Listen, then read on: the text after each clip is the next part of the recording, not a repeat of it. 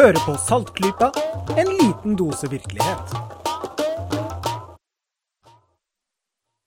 Velkommen til episode 145 av Saltklypa.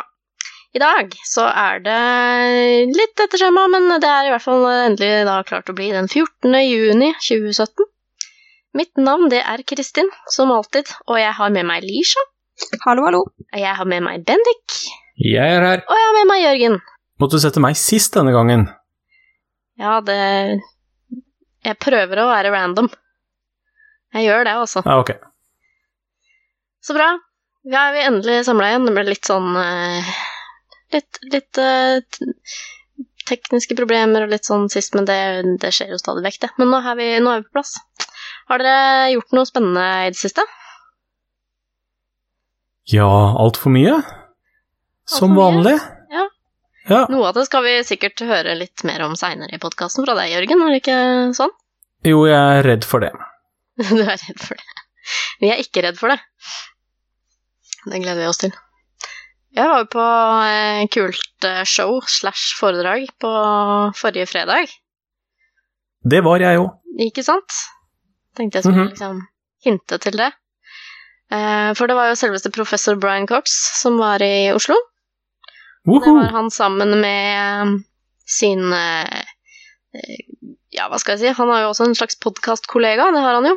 Eh, nemlig den britiske komikeren Robin Ince var også med. Veldig kul dynamikk mellom de to.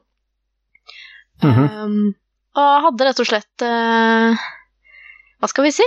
Et uh, lite visuelt foredrag om eh, universet og livet på jorda og alt mulig, og universets fortid og fremtid og utvikling og fine bilder, og det var liksom Ja, det var, det var ypperlig formidling, rett og slett. Jeg vet ikke hvor, eh, hvor trøtt du var, Jørgen. Fikk du med deg det som ble sagt? Ikke alltid. Jeg må innrømme at jeg satt og glippa litt med øynene. Det var eh, litt for seint en eh, fredag kveld etter en Fredag kveld, hard uke. Men de serverte øl, så det gikk greit. Ikke sant. Det hjelper alltid. Nei, jeg er jo oh, ja. altså Jeg eh, jeg, lik, jeg liker eh, sånn den, det nivået av faglighet det lå på. Fordi altså Selv om dette var på et populærvitenskapelig nivå, så er det jo formidlet på en måte som gjør at vi ikke De som sitter der, føler seg ikke dumme heller. Eh, altså I hvert fall var det inntrykket av som jeg fikk av de som satt rundt. Nå har jo jeg eh, vært litt borti noen av disse temaene som ble framsatt, men eh, jeg syns det er fryktelig flott med en liten repetisjon, og også litt eh, innsikt i faktisk hva som har skjedd siden sist. Jeg studerte for veldig, veldig, veldig, veldig, lenge siden. Det syns jeg var litt gøy. Litt uh, nye teorier om det som heter for inflasjonskosmologi og sånn. Som er uh, Ja, det var en del nytt. Ja. Jeg har aldri helt forstått meg på det, så det går alltid litt sånn over huet på meg. Så skjønner jeg det såpass lite at jeg har glemt det omtrent umiddelbart etterpå, men jeg fikk i hvert fall med meg at akkurat det der hadde jeg virkelig ikke hørt før. Nei, Det var litt kult. Ikke sant? Mhm. Eh, og til og med for meg som hadde hørt om inflasjon, så var det nye ting som jeg ikke hadde helt fått med meg før. Så det er, Mm. det er dødskult. Og som sagt, fine bilder i bakgrunnen og en liten visuell eh, fremstilling fra det der som heter Sloan Digital Sky Survey, som eh, har kartlagt eh, alle galaksene som vi kan telle omtrent på himmelen. Liksom Jeg tror det fins en YouTube-video av det et sted også, akkurat det som han hadde på bak, bakteppet der.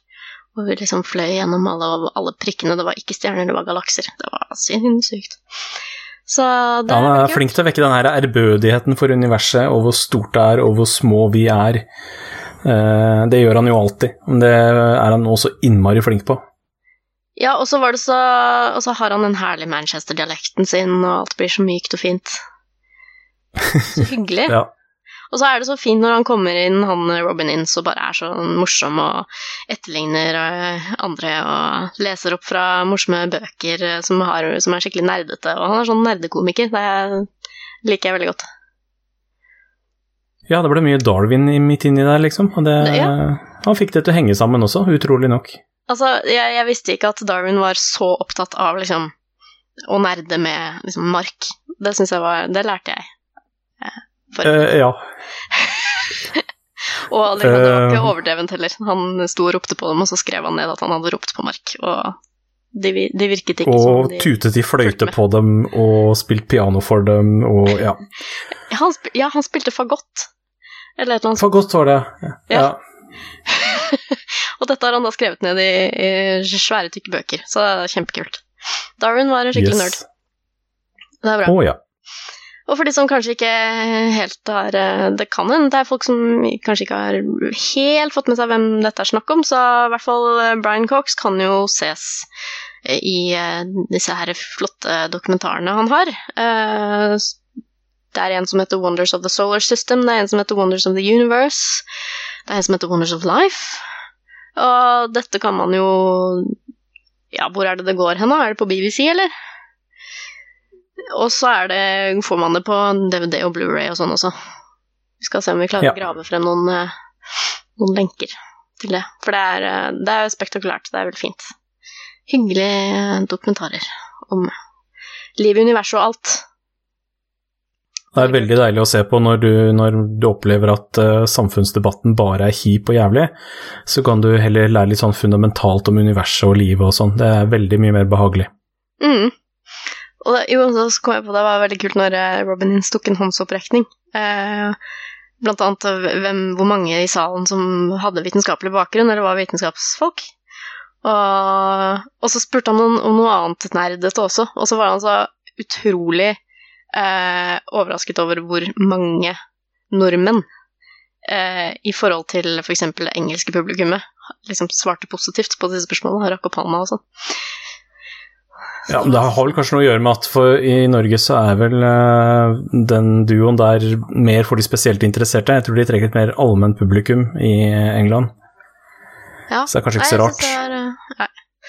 Jeg kan, ja, altså, mens jeg husker på det, så er jo podkasten deres, da, som jeg nevnte helt innledningsvis, er jo den fantastiske The Infinite Monkey Cage. Kristin, vet du hva?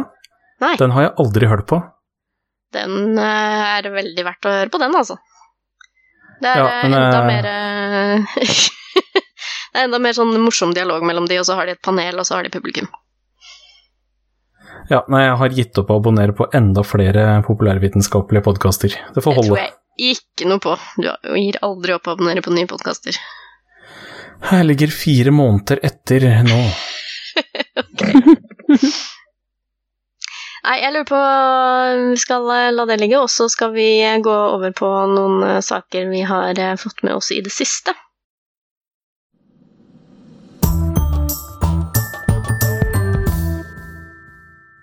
I Dagbladet så kom det en svær sak eh, om en rapport som har kommet ut om alternativ behandling. Eh, og eh, den påstår at den eh, skal på en måte legge frem hva er det som funker? altså, eh, hva er det som har dokumentert effekt? Og da blir jeg litt sånn, da stusser jeg litt sånn, ok, eh, men blir det ikke da, er det da alternativt lenger? Eh, er det noe som man pleier å, pleier å eh, si da, hvis man er litt sånn skeptisk? Eh, tenker jeg. Ja, det var jo faktisk forsiden eh, deres for uh, halvannen uke siden, Ja. eller der der Ja, den var ferskere enn vi egentlig hadde tenkt å ta opp, men uh, vi måtte uh, ta den med allikevel. Ja, så bare, disse alternative behandlingene virker. Se side 16 og 17 Ja. eller noe, nå, så slår vi opp der, og så står det uh, egentlig ikke at noen av dem virker. Nei. Eh, det, det var egentlig et veldig, veldig sånn som forventet artikkel for meg.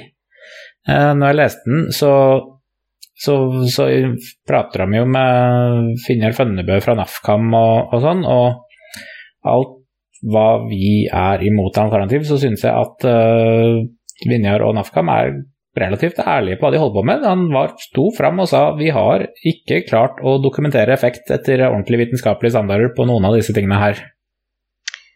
Sto han omtrent fram og sa. Og det nærmeste de kunne komme, var at eh, akupunktur kan muligens hjelpe litt på kvalme etter operasjon.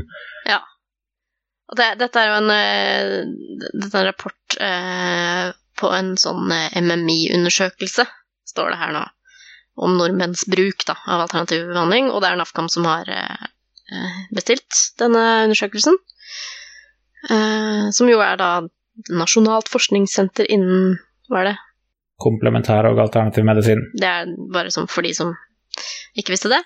Uh, rent teknisk så var det et utvalg på 1001 personer over 15 år som deltok.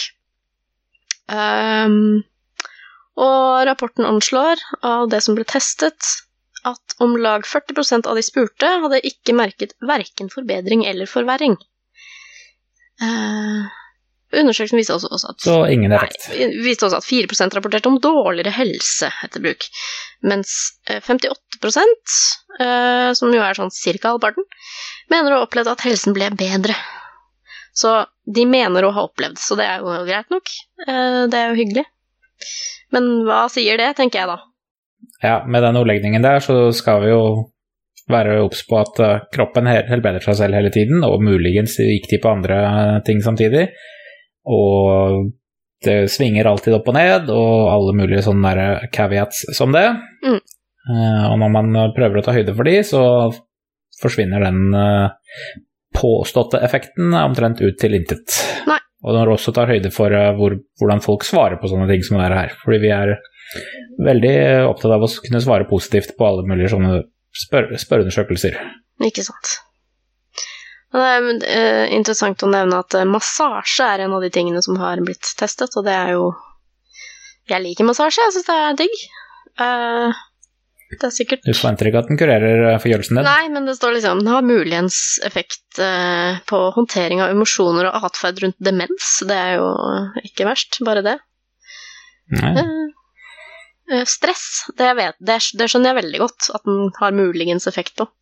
Men det er jo ingen her som står liksom 'har effekt', eller for, Altså det, liksom, det, det går liksom fra 'har muligens effekt' nedover til 'man vet ikke', og så deretter blir det verre, på en måte. Det er de alternativene Ja, som blir det er ingenting Det er liksom ingenting det er ingen sånne der kraftige positive ord i den artik hele Og artikkelen. Dagbladet pres presterer da å sette forsideoverskriften 'Disse alternative behandlingene funker', liksom. Det er litt sånn lureoverskrift. Uh, vil jeg si ja, dette virker, eller Ja. disse virker, og disse er ingen. Disse er ingen. Men Ja, det er, det er helt riktig. Ja. Disse, disse virker, og så gir de opp en tom, tom liste. Ja, Bortsett fra at de gjorde jo ikke så blatant som det, da. Det er jo mye bomull i den artikkelen der. Det er mye bomull, men samtidig så er det liksom Leser man hele nøye, så får man jo resultatene frem, og det er jo ikke så imponerende. Men eh, jeg vet ikke. Hvis man er uh, skikkelig hardcore uh, tilhenger av uh, alt som heter alternativ behandling og tror at alt virker, så Jeg vet ikke hvordan man leser den saken da. Det er kanskje Den er kanskje bomull nok til at man leser det litt forskjellig, ettersom hvordan man tenker til daglig. Jeg kan bare si at den var om Konklusjonene den uh, artikkelen kom med, var omtrent de samme konklusjonene som jeg har oppi hodet mitt fra før. Det er Ja. skikkelig ålreit sak, det der. Så da Hva gjør vi da? Da venter vi på neste undersøkelse av NAFKAM, eller hva? Er den Da venter vi på neste, som sier nøyaktig det Ja. samme. Det er greit. Men det som er litt interessant med NAFKAM, er at da de eh, først begynte, så var de, framsto de som mye mer positive til eh, alternativ behandling som generelt. Fungerte nærmest som en eh, reklamekanal for at du skulle- på en måte skulle legitimere eh, den alternative bransjen og virket veldig positivt til alt mulig rart, mens nå framstår de mye mer nøkterne og troverdige i det de skriver om de enkelte behandlingene. Mm. Ja, jeg vil si meg enig. Hver gang jeg oppser, leser noe ifra, ifra NAFCAM, så, er de, eh, så virker de i hvert fall på meg som egentlig skikkelig vitenskapelig av seg, og er ærlige med at nei, vi har ikke funnet noen eh, sterke resultater på osteopati, liksom. Det bare så jeg må bare si det, at De kan fortsette å forske så lenge de vil, men de har ikke klart å finne det ennå. De er ærlige med det, og da, da syns jeg det er greit. Ja. Vet vi eh, hva på en måte, kanskje hvis man kaller det alternativmiljøene, eh, syns om NAFKAM? Det var litt interessant å liksom vite om de syns de er skikkelig teite, eller om de heier på dem. Så, såpass mye har jeg ikke prata med, med de i det siste, så det skal jeg ikke uttale meg om. Jeg vil våge meg på en gjetning. Jeg vil våge meg på en gjetning at de eh, i de grad, den grad de finner noe som er positivt for alternativmiljøet, så syns de de er kjempeflinke, og i den grad de finner ting som er negativt for dem, så er de ubrukelige tullinger. Det er Ja. nok det alternativmiljøet mener om dem. velge litt fritt. Ja, jeg tror det er eh, Det varierer. Fritt helsevalg. ja, ja. Men da, da lar vi den eh, ligge til det kommer noe eventuelt interessant, da. Eller noe dårlig journalistikk som vi kan vaske litt.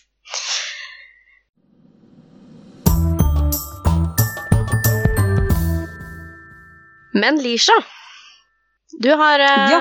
store nyheter som vi har eh, stått og trippet om å, om å formidle her på Saltklypa, og nå er kvelden kommet til at vi kan eh, snakke om det. Ja, nå skjedde jo dette for eh, en drøy måned siden, Ja, men vi har ikke vært Ja, det er sommer, vi har ikke vært superflittige. Det må vel være unnskyldt, akkurat. Nei, og så, så, hadde vi jo, eh, så hadde vi jo Eurovision-episode og sånn. Ja, vi hadde det. Så Ja. man må prioritere. Men dette her er også en viktig ting for eh, meg og mm, visse som meg. Eh, nå har vi endelig fått en avklaring på reptilsaken, Wow. og den er at, Og reptilsaken, den er at det er forbudt å ha reptiler reptiler i. Norge. Det er forbudt å ha reptiler eh, i privat hold i Norge, og det har man siden det ble forbudt 1.1.1977 eh, prøvd å få opphevet. Det er ikke forbudt i noen andre land i Europa, bortsett fra Island, og av eh, åpenbare grunner så går det an å håndheve der. Dette forbudet går ikke an å håndheve i Norge, og det er det heller ingen som prøver på. Så Derfor har det vært temmelig meningsløst. Uh, og nå er det etter ja, det blir faktisk over 40 år, så er det slutt på det. Fra 15. august i år så blir en såkalt positivliste innført, og det vil si at eh, Selvfølgelig ikke blir ikke frislipp, og det ønsker ikke vi heller. Eh, men det blir en liste med eh, ymse reptiler, slanger, øgler og skilpadder som blir tillatt å holde. Eh, og det Ja, det er vi veldig veldig happy for. Det er eh, 19 ulike arter. Det var noen flere. Det var en kameleon. Den ble tatt bort fordi man mente det var for vanskelig. Eh, den var for krevende å holde. Og så var det et par frosker, og de ble tatt bort fordi det finnes en eh, Det er en sykdom som går på frosk, som eh, Det vet dere sikkert, at froskene sliter veldig i dag verden rundt. Og vi vil unngå å få denne sykdommen. Den, og vi vet at den finnes på den ene froskearten som var tillatt, den heter klofrosk. Den arten, og de har, den- kan ha den sykdommen, og de ble da fjernet fra listen, fordi det vil vi ikke ta noen risiko på å få inn i Norge. Og det har jeg full forståelse for. Men det er altså 19 Mm. arter som blir tillatt, og de har eh, Norsk herpetologisk forening eh, jobbet i eh, flere år med å da utarbeide denne listen for Mattilsynet. Eh, og det er, de er valgt fordi de er ikke farlige, altså de har ikke gift, de er ikke, blir ikke så store at de kan fysisk gjøre skade. Eh, de har krav som gjør at det er lett å oppfylle det i fangenskap. Eh, og de er, uh, har et gemytt, da, som uh, et gjennomsnittsindivid har et gemytt som gjør at de tåler fangenskap godt. Og de blir selvfølgelig ikke så store at de har- får helt umulige plasskrav heller. Selv om Mm. reptiler krever mindre plass enn man skulle tro. Dette er jo en stor seier. Ja, for oss så er det en enorm stor seier, og vel, jeg vil si for fornuften er det en stor seier. Ja, fordi Eh, eh, grunnen, til at vi, eh, grunnen til at vi snakker om dette her i salgsgruppa, er jo ikke kun for at du er en eh, eier av eh, Eier og forkjemper, ja. Eh, det er jo litt fordi også det, eh, vi har diskutert en del myter som har eh, oppstått og forblitt rundt denne reptilsaken, og liksom veldig mye sånn typiske argumenter da, som folk som kanskje ikke vet så mye, kommer med, og det har vi også snakket om i en veldig tidlig episode av Saltklypa, men uh, kanskje du har lyst til å bare gå gjennom litt sånn et par-tre av de mytene som folk flest tenker på.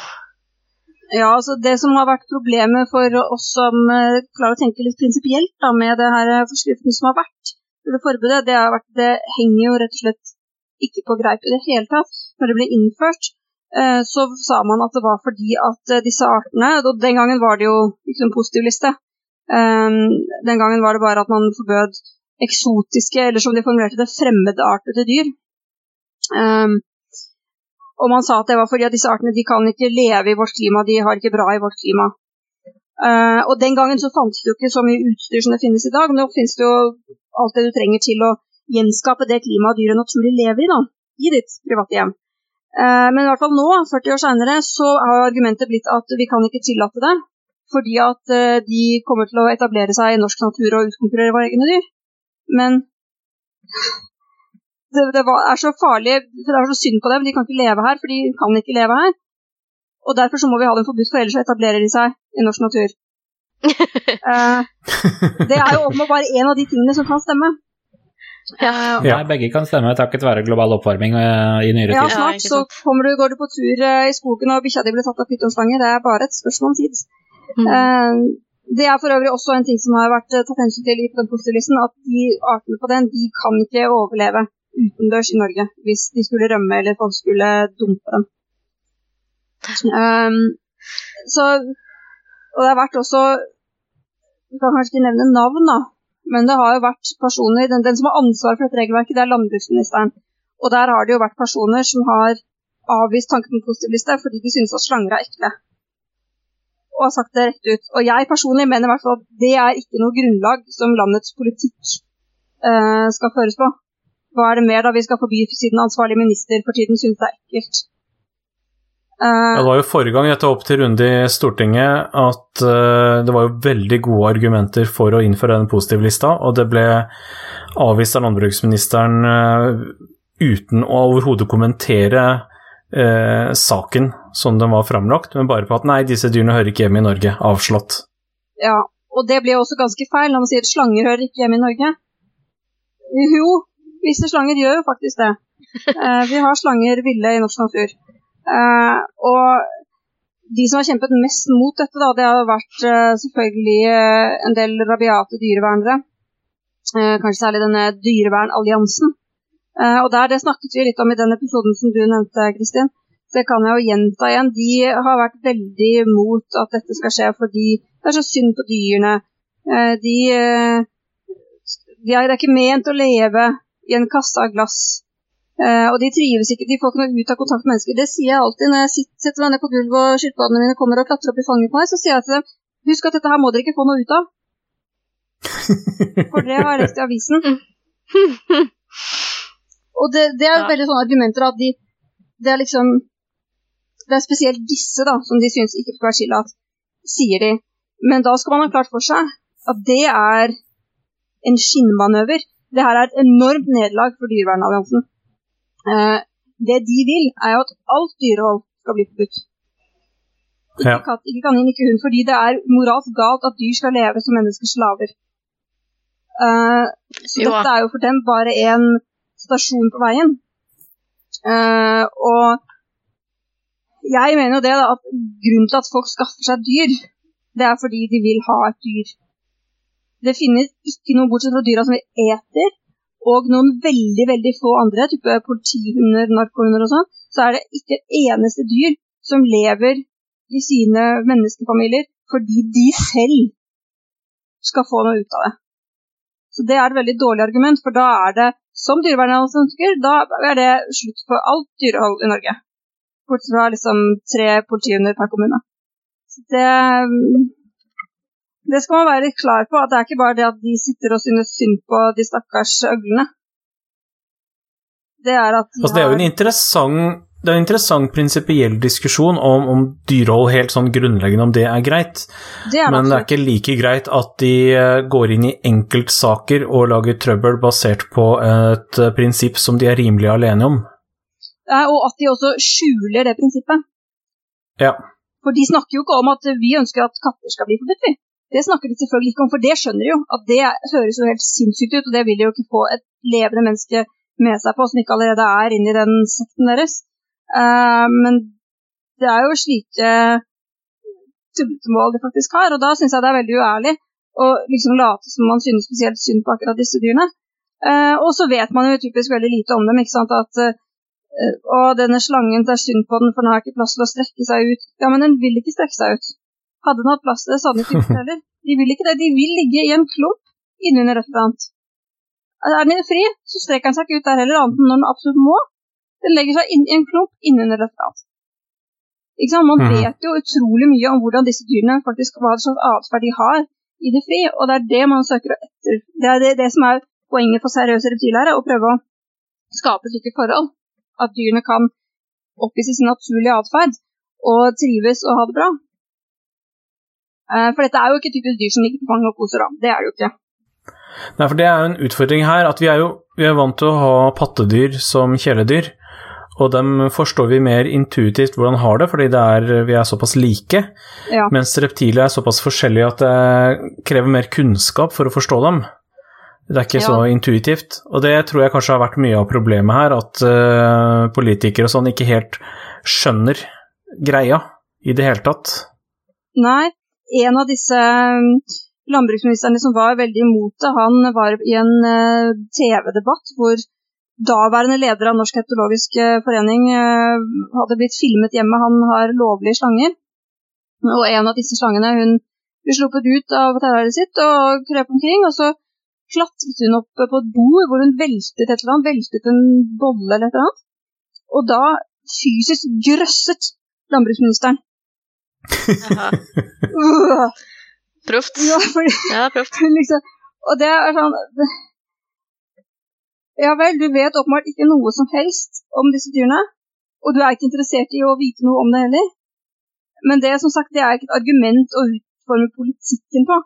Og det der som du sier, Jørgen, det er også noe som har vært et argument mot uh, dette dyreholdet. Da, at uh, i forhold til f.eks. en hund eller en katt, så har disse dyrene de har jo veldig lite mimikk. Eh, Skilpadder har omtrent ikke mimikk i det hele tatt, de, og de har et begrenset kroppsspråk. Uh, og Derfor så er det vanskelig å skjønne hva de vil. Men da må vi reptilere rett og slett bare sette oss inn i det. Hvordan man tolker dette kroppsspråket som de tross alt faktisk har. Og det er jo ikke verre enn at du gjør den innsatsen, da.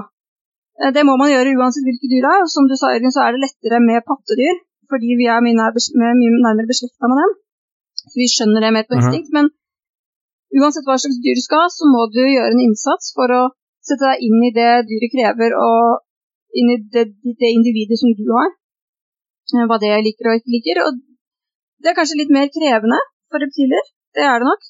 Men er du interessert i å ha dyret, så gjør du selvfølgelig den innsatsen. Så vil det forekomme useriøst dyrehold, men det vil det med alt dyrehold, dessverre. Det vil jeg uansett. Ja. Ja, Så man prøver å bekjempe det på en eh, generell basis i stedet, da. Ja, og passe på at folk får mest mulig informasjon, og det vil jo dette, denne lovendringen, eller regelendringen, da, det er ikke lovverk, det er en forskrift, eh, den vil jo gjøre det eh, mye lettere. Eh, for det vet vi at SOE-foreningen, altså Landsforeningen for dyrebutikker, de driver med utarbeider forskjellige sånne faktasheets og care sheets som de For de har jo tenkt seg å selge disse dyrene nå, da. Eh, og de er veldig ivrige etter å kunne gi kjøperne så korrekt informasjon og så mye informasjon som mulig. Ja, det, Eh, og det er jo en ting som virkelig forebygger eh, dårlig dyrehold, det er informasjon. Og det har jo Mhm. vært vanskelig å få ut av veterinærer i Norge som utdannes i Norge f.eks. De lærer jo ingenting om et dyr. nei, det har jeg lurt på, hvordan, hvor mange veterinærer som faktisk har Som har og kommer til å få eh, kompetanse. Selvfølgelig flere nå, men eh, Ja, altså. Tallene har jeg ikke, men hvis du skal ha en, en eh, veterinær som vet om reptiler, så må du velge en som er utdannet i utlandet. Det er mange Mm. veterinærer i Norge som har gått på skole i Ungarn f.eks., og der lærer de jo. Eh, Men nå må utdanningen legges om, fordi nå blir det de dyrene som da er lovlige i Norge, de har krav på å kunne få eh, korrekte helsetjenester, rett og slett. Så nå Ja. må, da kan veterinærer bli juridisk ansvarlige hvis de feilbehandler et dyr som de skal vite hvordan de tar vare på. Så nå Mm. blir det en endring. endring. det er en utfordring jeg har tenkt over. Det er jo bra. Lærdom er bra. Kunnskap er bra. Ja. Superdupert. Nei, men eh, da eh, får vi sikkert uh, følge med fremover og se om vi ser noen morsomme små nye dyr i dyrebutikkene, og at Ja, eh, fordommene blir mindre. Og vi må også selvfølgelig vente i spenning til det første hunden blir tatt av en pytonslange i norske skoger. Ja, Nå er det bare et spørsmål om tid. svær kvelerslange midt i marka, Det tenker jeg. Nei, men takk for det, Lisha.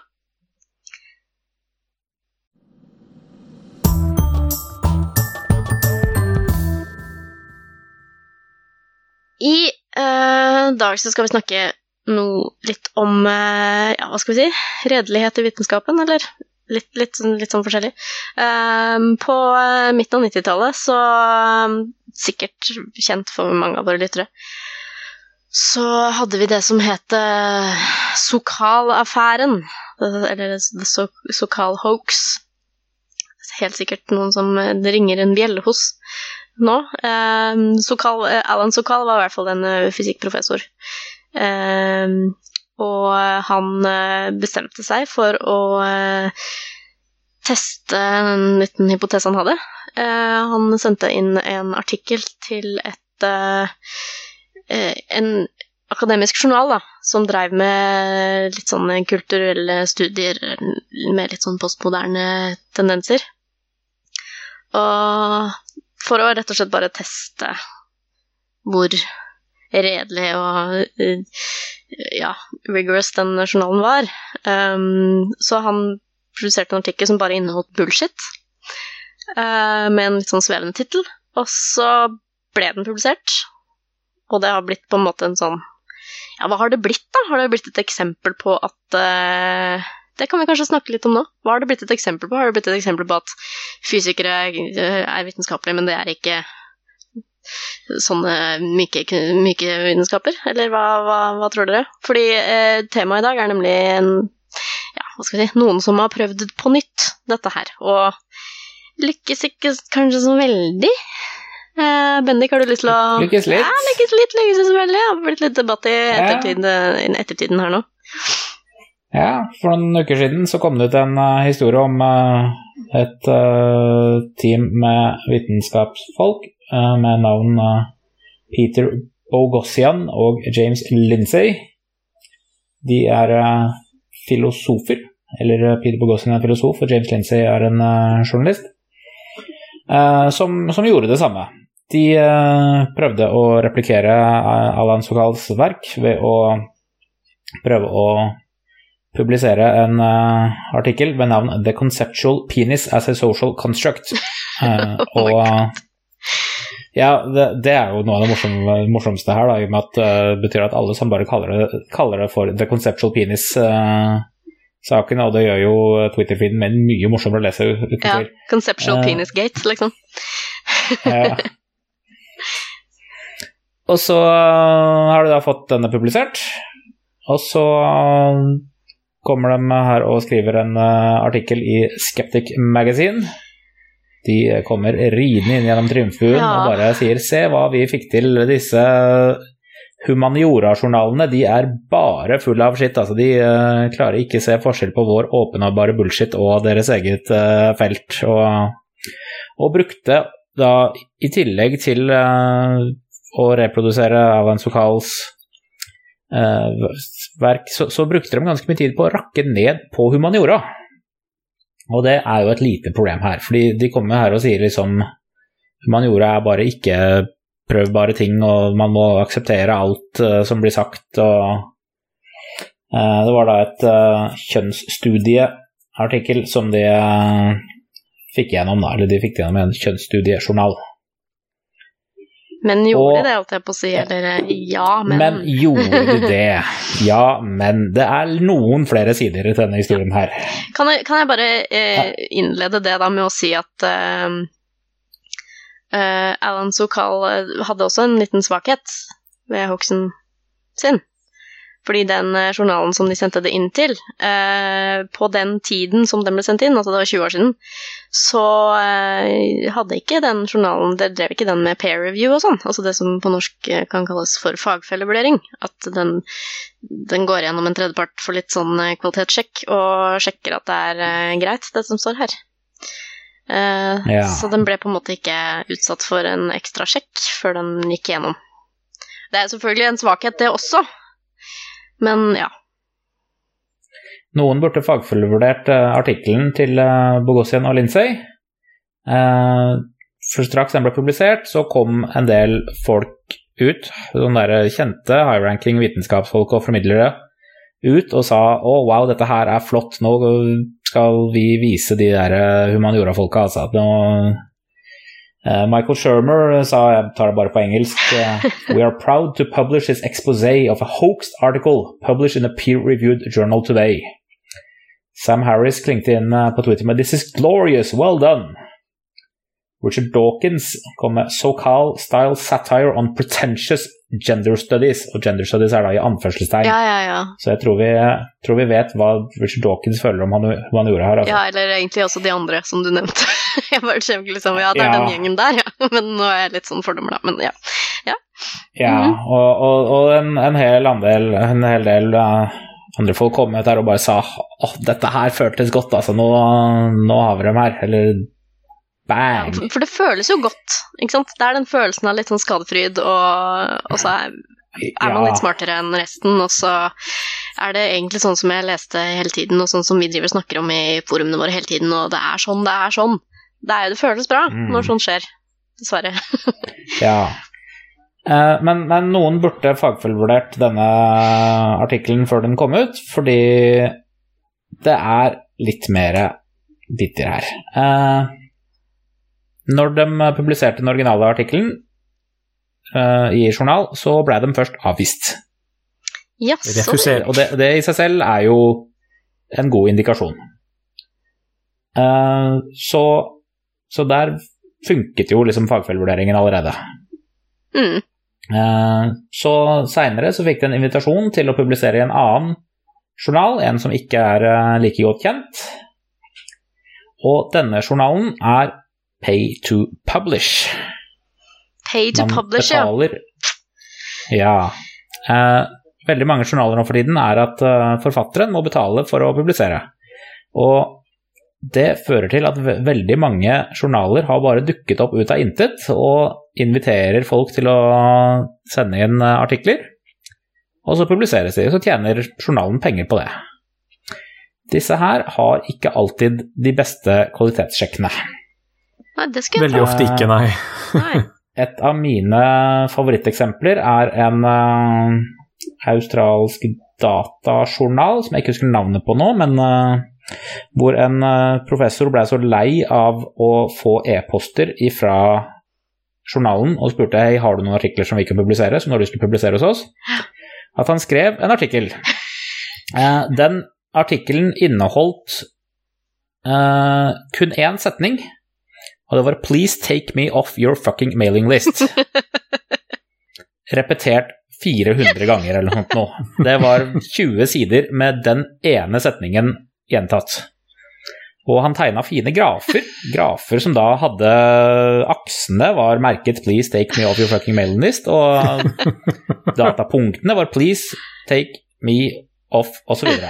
Det var eneste teksten unntatt navnet hans i hele der var den ene setningen. Den ble publisert. Den ble publisert. Nei, jeg, jeg, hvis jeg husker riktig, så ble det ikke publisert. Den ble, Så- den ble anerkjent, og, uh, altså den ble godkjent for å bli tatt inn, men han ville ikke betale for det, så derfor ble den ikke publisert.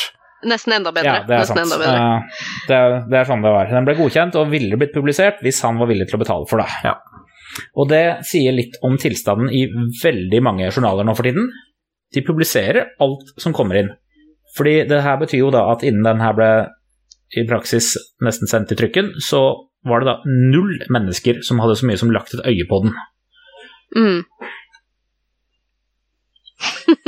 Eh, så, og sånn, sånn skjer.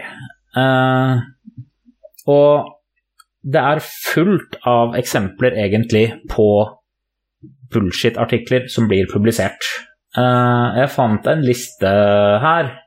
Vi vet jo først og fremst om Andrew Wakefield sin, eh, sin artikkel. Det var et Som altfor han godt har klart eksempel. å få inn i, Ja. inn i The Lancet, som er en veldig eh, respektabel journal.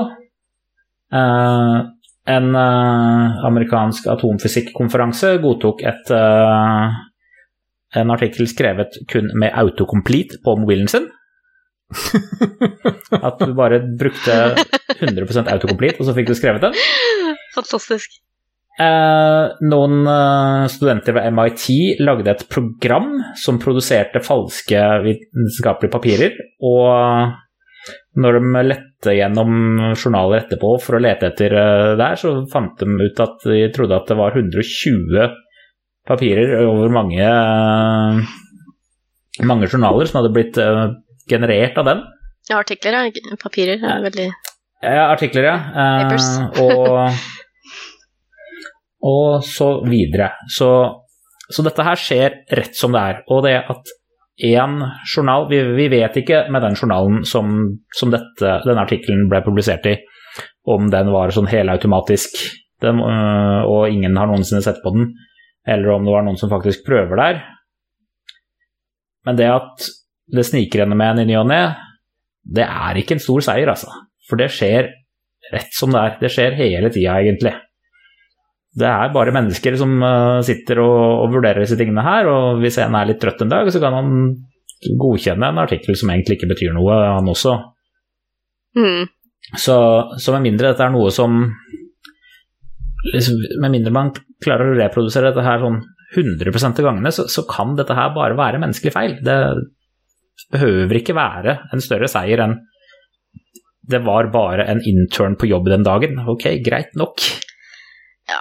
Hadde de Flott. Gå, gå videre. snakka om de eh, eh, Bogossian og co., da. Hadde de Hvordan kunne de gjort det her, da? Kunne valgt eh, kanskje et par-tre fagfelter og sendt inn kanskje en eh, 20-30 artikler. Og sørget for at Ja, det de sendte det inn til, var peer-reviewed og jeg håper å si var litt legit og ja. Det hadde jo vært en Ja, så kunne de latt være å gå så kjepphøyt eh, ut. Uff. Sånn som eh, Sokal, som hadde den første kjente som vi snakka om, eh, han har jo vært ganske nøktern med hva man kan eh, si om eh, eksperimentet hans. Han har sagt at dette var bare ett eksempel fra én ting. Det kan ikke si noe generelt. Mens disse, i den nye saken nå, så har de gått ganske hardt ut og sagt at humaniora funker ikke. Nei. Eh, Og det, det er litt sånn Det bærer litt preg, da, av denne herre Og dette sier jeg som realfagsmenneske selv.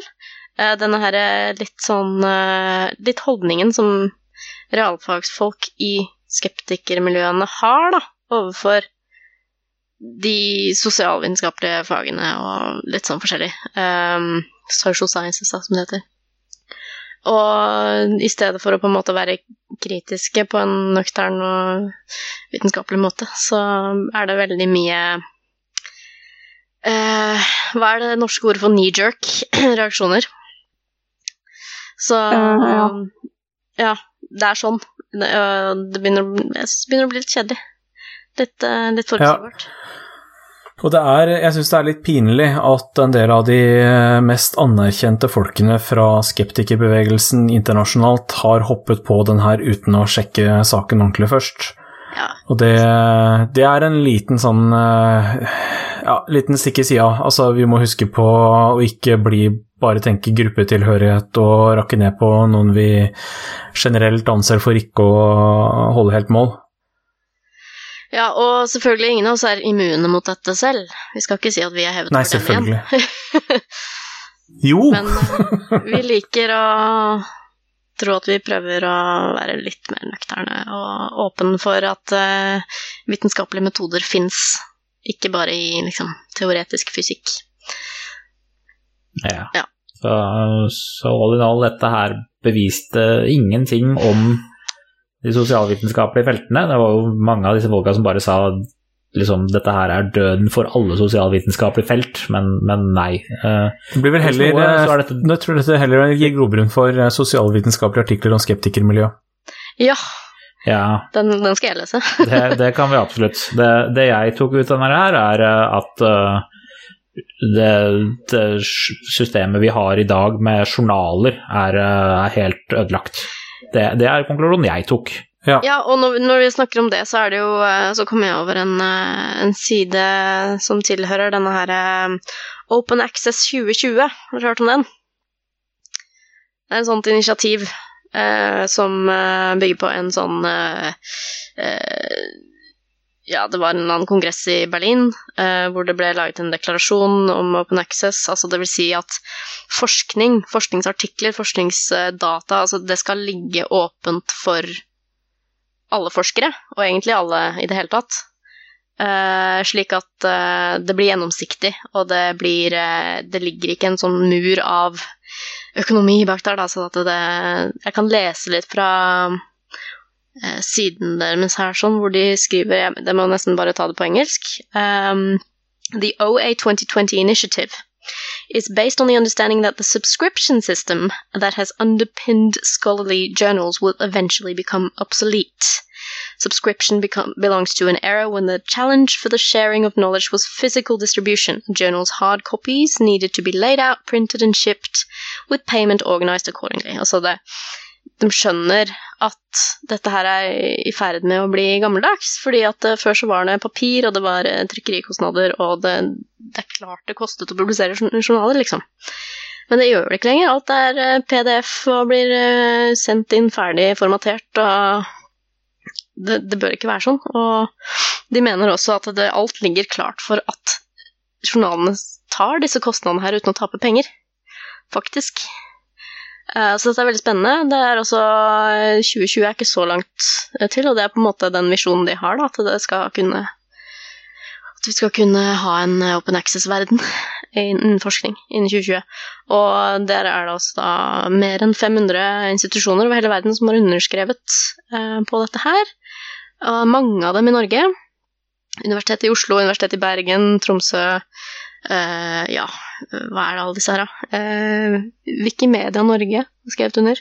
Kristin, ikke meg altså, men dette her eh, forskningssiteringssystemet eh, som blir brukt eh, på norske forskningsinstitusjoner, har skrevet under. Eh, ja, mange institusjoner og over, masse flere over hele verden, da.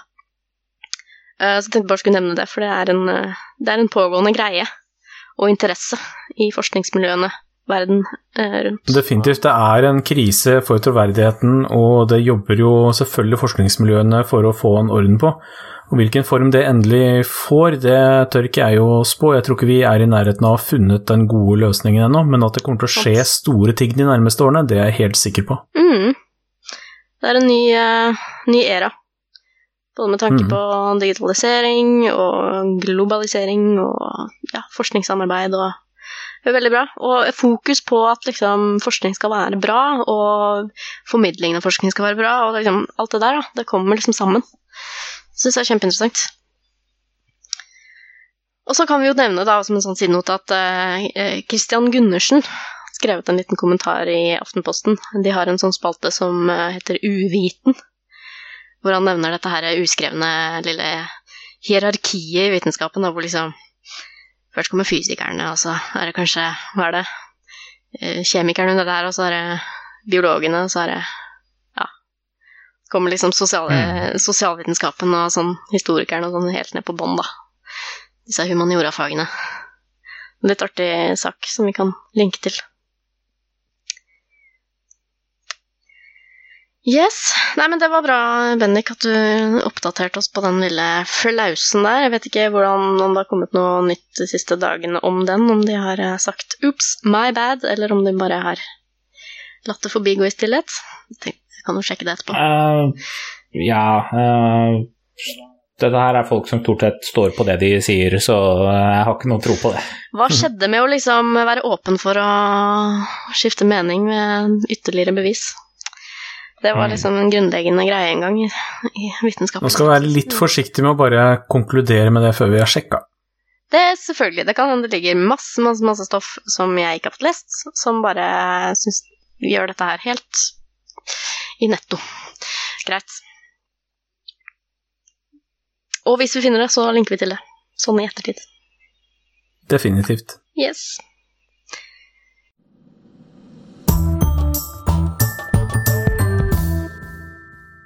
Da skal vi se om ikke vi har noen anbefalinger i denne episoden. Jørgen, jeg vet at du har noe stort på gang, og da gleder vi oss til å høre om det. Ja, eh, nå skal jeg igjen promotere ting jeg gjør på jobben. Yeah. For jeg har en eh, spennende jobb som jeg har brukt altfor mye tid på i det siste, men, eh, men jeg får nå gjort et og annet. Gjør at du blir veldig Eh. trøtt på Brian Cox-foredrag og sånn. For eksempel det. Eh, Det skjer jo veldig mye. Eh, Grunnen til at jeg jobber for mye om dagen, er jo først og fremst fordi jeg gjør eh, tre personers jobb, men, men også noen morsomme prosjekter. Jeg jobber altså på et museum som heter Veien kulturminnepark, som er det eneste arkeologiske museet i Buskerud. Og jeg har tidligere reklamert for det, og hvis noen ønsker en privat omvisning med meg, så er det fortsatt en sånn liten konkurranse åpen på det. Dere teller tilbake noen episoder. Yeah. ja. Det er noen som har prøvd seg, men de har faktisk klart å ikke følge de eh, reglene jeg har satt opp, som er fryktelig, fryktelig enkle. Men nok om det. Ehm, vi, eh, i tillegg til å ha en ny fabelaktig arkeologisk utstilling om Buskeruds forhistorie, så åpner vi en eh, midlertidig utstilling for sommersesongen. Den åpner samtidig med at vi har vårt sommeråpningsarrangement søndag 25. juni. Da vi har et eh, rekonstruert langhus fra rundt år null som vi lager masse liv rundt, og arrangementet, arrangementet etter liv og røre. Men utstillingen, som er det jeg egentlig skal prate om nå, den heter Lure hjernen. Yeah! Og ja, det er da en importert utstilling som jeg har oversatt. Ehm, og personen som har laget denne utstillingen, er en som jeg tror en del av våre lyttere kjenner til. Det er eh, professor Richard Wiseman. Dobbelt yay! Yay! Kjent eh, psykolog, eh, skeptiker, forfatter, underholdningsmann. Han er altså han start, Tryllekunstner han startet som tryllekunstner før han begynte å studere, og det har han drevet med hele sin karriere. Og er en showman, eh, og som bruker eh, sin eh, psykologiforskning i kombinasjon med sine tryllekunstnere og sånn, til å gjøre morsomme ting som formidler noe viktig. Så han, har, han er annet kjent fra YouTube-kanalen Quirkology, som er litt vanskelig å oversette til norsk, som jeg fant ut da jeg først prøvde. Um, og ja, han har laget en utstilling basert på den YouTube-kanalen din. Og den er det vi har fått eh, oversatt og importert til Norge, og som åpner søndag 25. juni og står gjennom hele sommersesongen. Jeg synes at Og den syns jeg at folk skal komme og se på. navn, ja. Ja, det er liksom den dobbeltbetydningen da, som mm. blir av det. Vår lure hjerne som er lett å lure. Uh, og det er eh, en morsom utstilling. Den eh, er veldig leken, veldig fin for barn og ungdom og voksne og gamle. Eh, og så er det egentlig bare morsomt. Og så, Det er litt sånn som Wiseman ofte gjør det, at han eh, tilsynelatende så er det ikke så veldig til ettertanke engang, inntil du faktisk eh, begynner å tenke i ettertid, helt av deg selv. så eh, ja, det er Jeg liker å gå helt sånn ned på det grunnleggende. Hvordan vet vi det vi vet? Og kan du være sikker på at du egentlig vet det du tror du vet? Mm. Sånt liker vi veldig godt her i Saltklubba. Ja. Ja, veldig. Så Hvor, eh, kom til eh, Veien kulturminnepark på Hønefoss og se morsom utstilling. Hvor lenge varer den eh, utstillingen? Sa du det? Vi har ikke satt en fast sluttdato. Eh, Jeg tror nok den kommer til å stå helt fram til vi stenger i begynnelsen av desember. Sannsynligvis.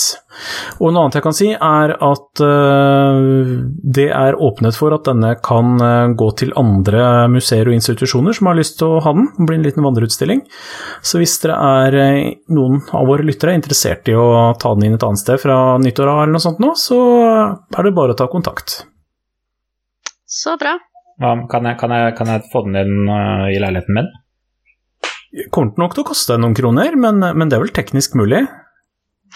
Kult. Da skal jeg, da skal jeg sjekke det med samboeren, jeg. Om, øh, om jeg kan ta en utsending utstilling. Der. litt Ta litt plass, blant annet den, den ene videoveggen kan hende bli litt dominerende i stua etter hvert. Right. Veldig kult. Eh, Det hadde vært veldig, veldig artig å fått med seg den i sommer. Ja, jeg jeg kommer jeg faktisk, Jørgen. Jeg kommer lørdag 1. juli sammen med noen venner. Så kommer jeg til Veien til kulturminnepark. Supert, da møter du ikke meg, men du er hjertelig velkommen. Ja, det regner jeg med. det blir nok gøy.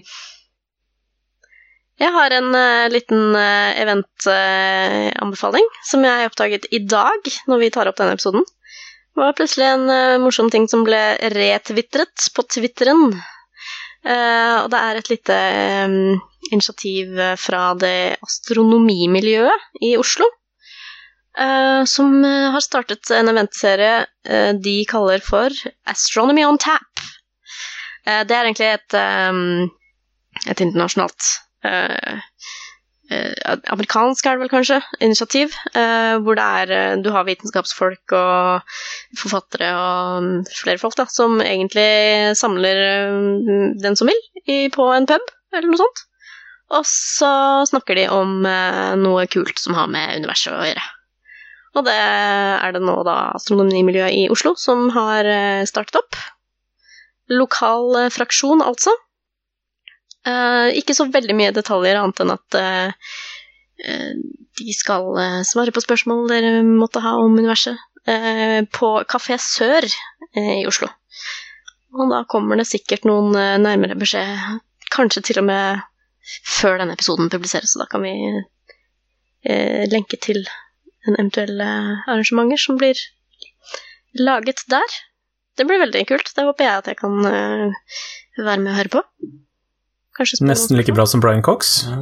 ja, kanskje jeg kan spørre noe om, om noen av de tingene som jeg hørte på Brian Cox-foredraget. Eh, sånn som eksempel eh, siste nytt om eh, eh, baryon-akustiske oscillasjoner. Eh, han sa ikke at det var det, men jeg, jeg leste på nettet etterpå og fant ut at det var det det var. Eh, det er dødsinteressante ting som er veldig vitenskapelig, så det har vært morsomt å høre hva fagfolka forklarer om det på norsk. I en pubsetting, no less. Så litt sånn skeptiker på puben, bare med astronomi istedenfor uh, annet tullprat. Supert. Er det noen andre anbefalinger før vi tar kvelden, da?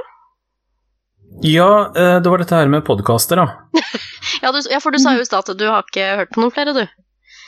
Eh, jo Jeg har jo begynt å abonnere på mer, da. Oh, ja. Eh, men det er ikke så veldig ofte det kommer gode norske podkaster man helt trygt kan anbefale. Men vi har jo vår, en av de som var med å starte Saltklypa i sin tid, Gunnar Tjomli. Jeg har anbefalt podkast han har laget før også, men den har tørka inn. Men, eh, men nå er han i gang med en ny en, sammen med Dag Sørås, kjent komiker. Og de har en podkast som da heter Dialogisk. Eventuelt Og- dialogisk. Ja. Det har de ikke helt klart å bli enige om. Nei. Eh, men det er jo to eh, skarpe hjerner som er i dialog og lar samtalen flyte og få lov til å prate uavbrutt. Og det kommer det veldig mye spennende ut av. Eh, så det har vært Det har vel kommet med tre episoder til nå. Eh, vel verdt å få med seg, så jeg anbefaler sterkt dialogisk. Den siste kom faktisk ut nå for ikke så mange øyeblikk siden. Og de, har, de klarte jo til og med å få med sitt eh, glupe nettverk og få klørne i eh, selveste Brian Cox på den fredagen han var i Oslo. Og så siste episode er jo da et, blant annet et intervju med han. Skal vi da Ja, si at vi også prøvde å få til det og feilet? Ja, de hadde en I quote for tett program. Ja, ja. For de skulle Greit, snakke med Gunnar. Ja, de skulle snakke med Gunnar. Ja. Nei, men det, blir, det er sikkert Altså, det, er- det virker som en veldig proff podkast, og det er jo som sagt eh, kule folk, altså, som har det. Så jeg, Ja. tviler ikke på at dette blir en fast eh, post på eh, eh, lytte... På lytteøret mitt på vei til jobb. Til og fra jobb. Nemlig. Veldig kult. Dialogisk, altså. Det var vel det vi rakk i denne episoden. Det var ikke snaut, det heller, denne gangen. Ja, det ble en time igjen, da. Ja, det ble en time igjen, det. Skulle liksom ta en kjapp, Mm. et kjapt opptak. Så et kjapt opptak betyr alltid en time. Det må vi lære oss. Har ikke dere lært det ennå? Jeg har lært det i 145 episoder. Vi fortrenger det, Bennik. Det er det vi gjør. Vi håper håper at- på at vi skal bli flinkere. Ja, jeg håper at eh, du som eh, hører på, eh, har fått litt ut av det vi har snakket om i dag, i hvert fall. Um, du kan som sagt gå inn på siden vår, og på Facebook-siden vår kan du gå inn, og så kan du si noen fine ord til oss. Eller tipse oss om noen fine saker du har lest, så kanskje vi kan snakke om det på podkasten. Eller om det er noen spørsmål som vi kan prøve å finne ut av. Eller kanskje du vet om en uh, Brian Cox-aktig person som er i nærområdet, eller som kommer til Norge, eller sånn, som bare vil tipse oss om. Da kan du også gjøre det. Så kan vi uh, snakke med dem. Uh, dette og mer. eh, du finner alt på saltklubba.no og på Facebook og alt sånt. Så det, det, da tenker jeg vi avslutter, før jeg begynner å bli for trøtt. Ja. Så vi sier i tur og orden ha det bra, og så snakkes vi igjen om et par ukers tid. Ha det bra! Det gjør vi. Ha det. Ha det! Ha det bra, sånn. Saltklypa lages av Kristin Lisha, Jørgen og Bendik. Har du spørsmål, anbefalinger, ris eller ros, send det til post at saltklypa.no, eller finn oss på Facebook. Lenker til alt vi har snakket om i episoden finner du på saltklypa.no, hvor du også kan abonnere på podkasten for å få hver episode levert på døra helt gratis. Takk til Smart 9000 fra Evig poesi som har laget kjenningsmelodien.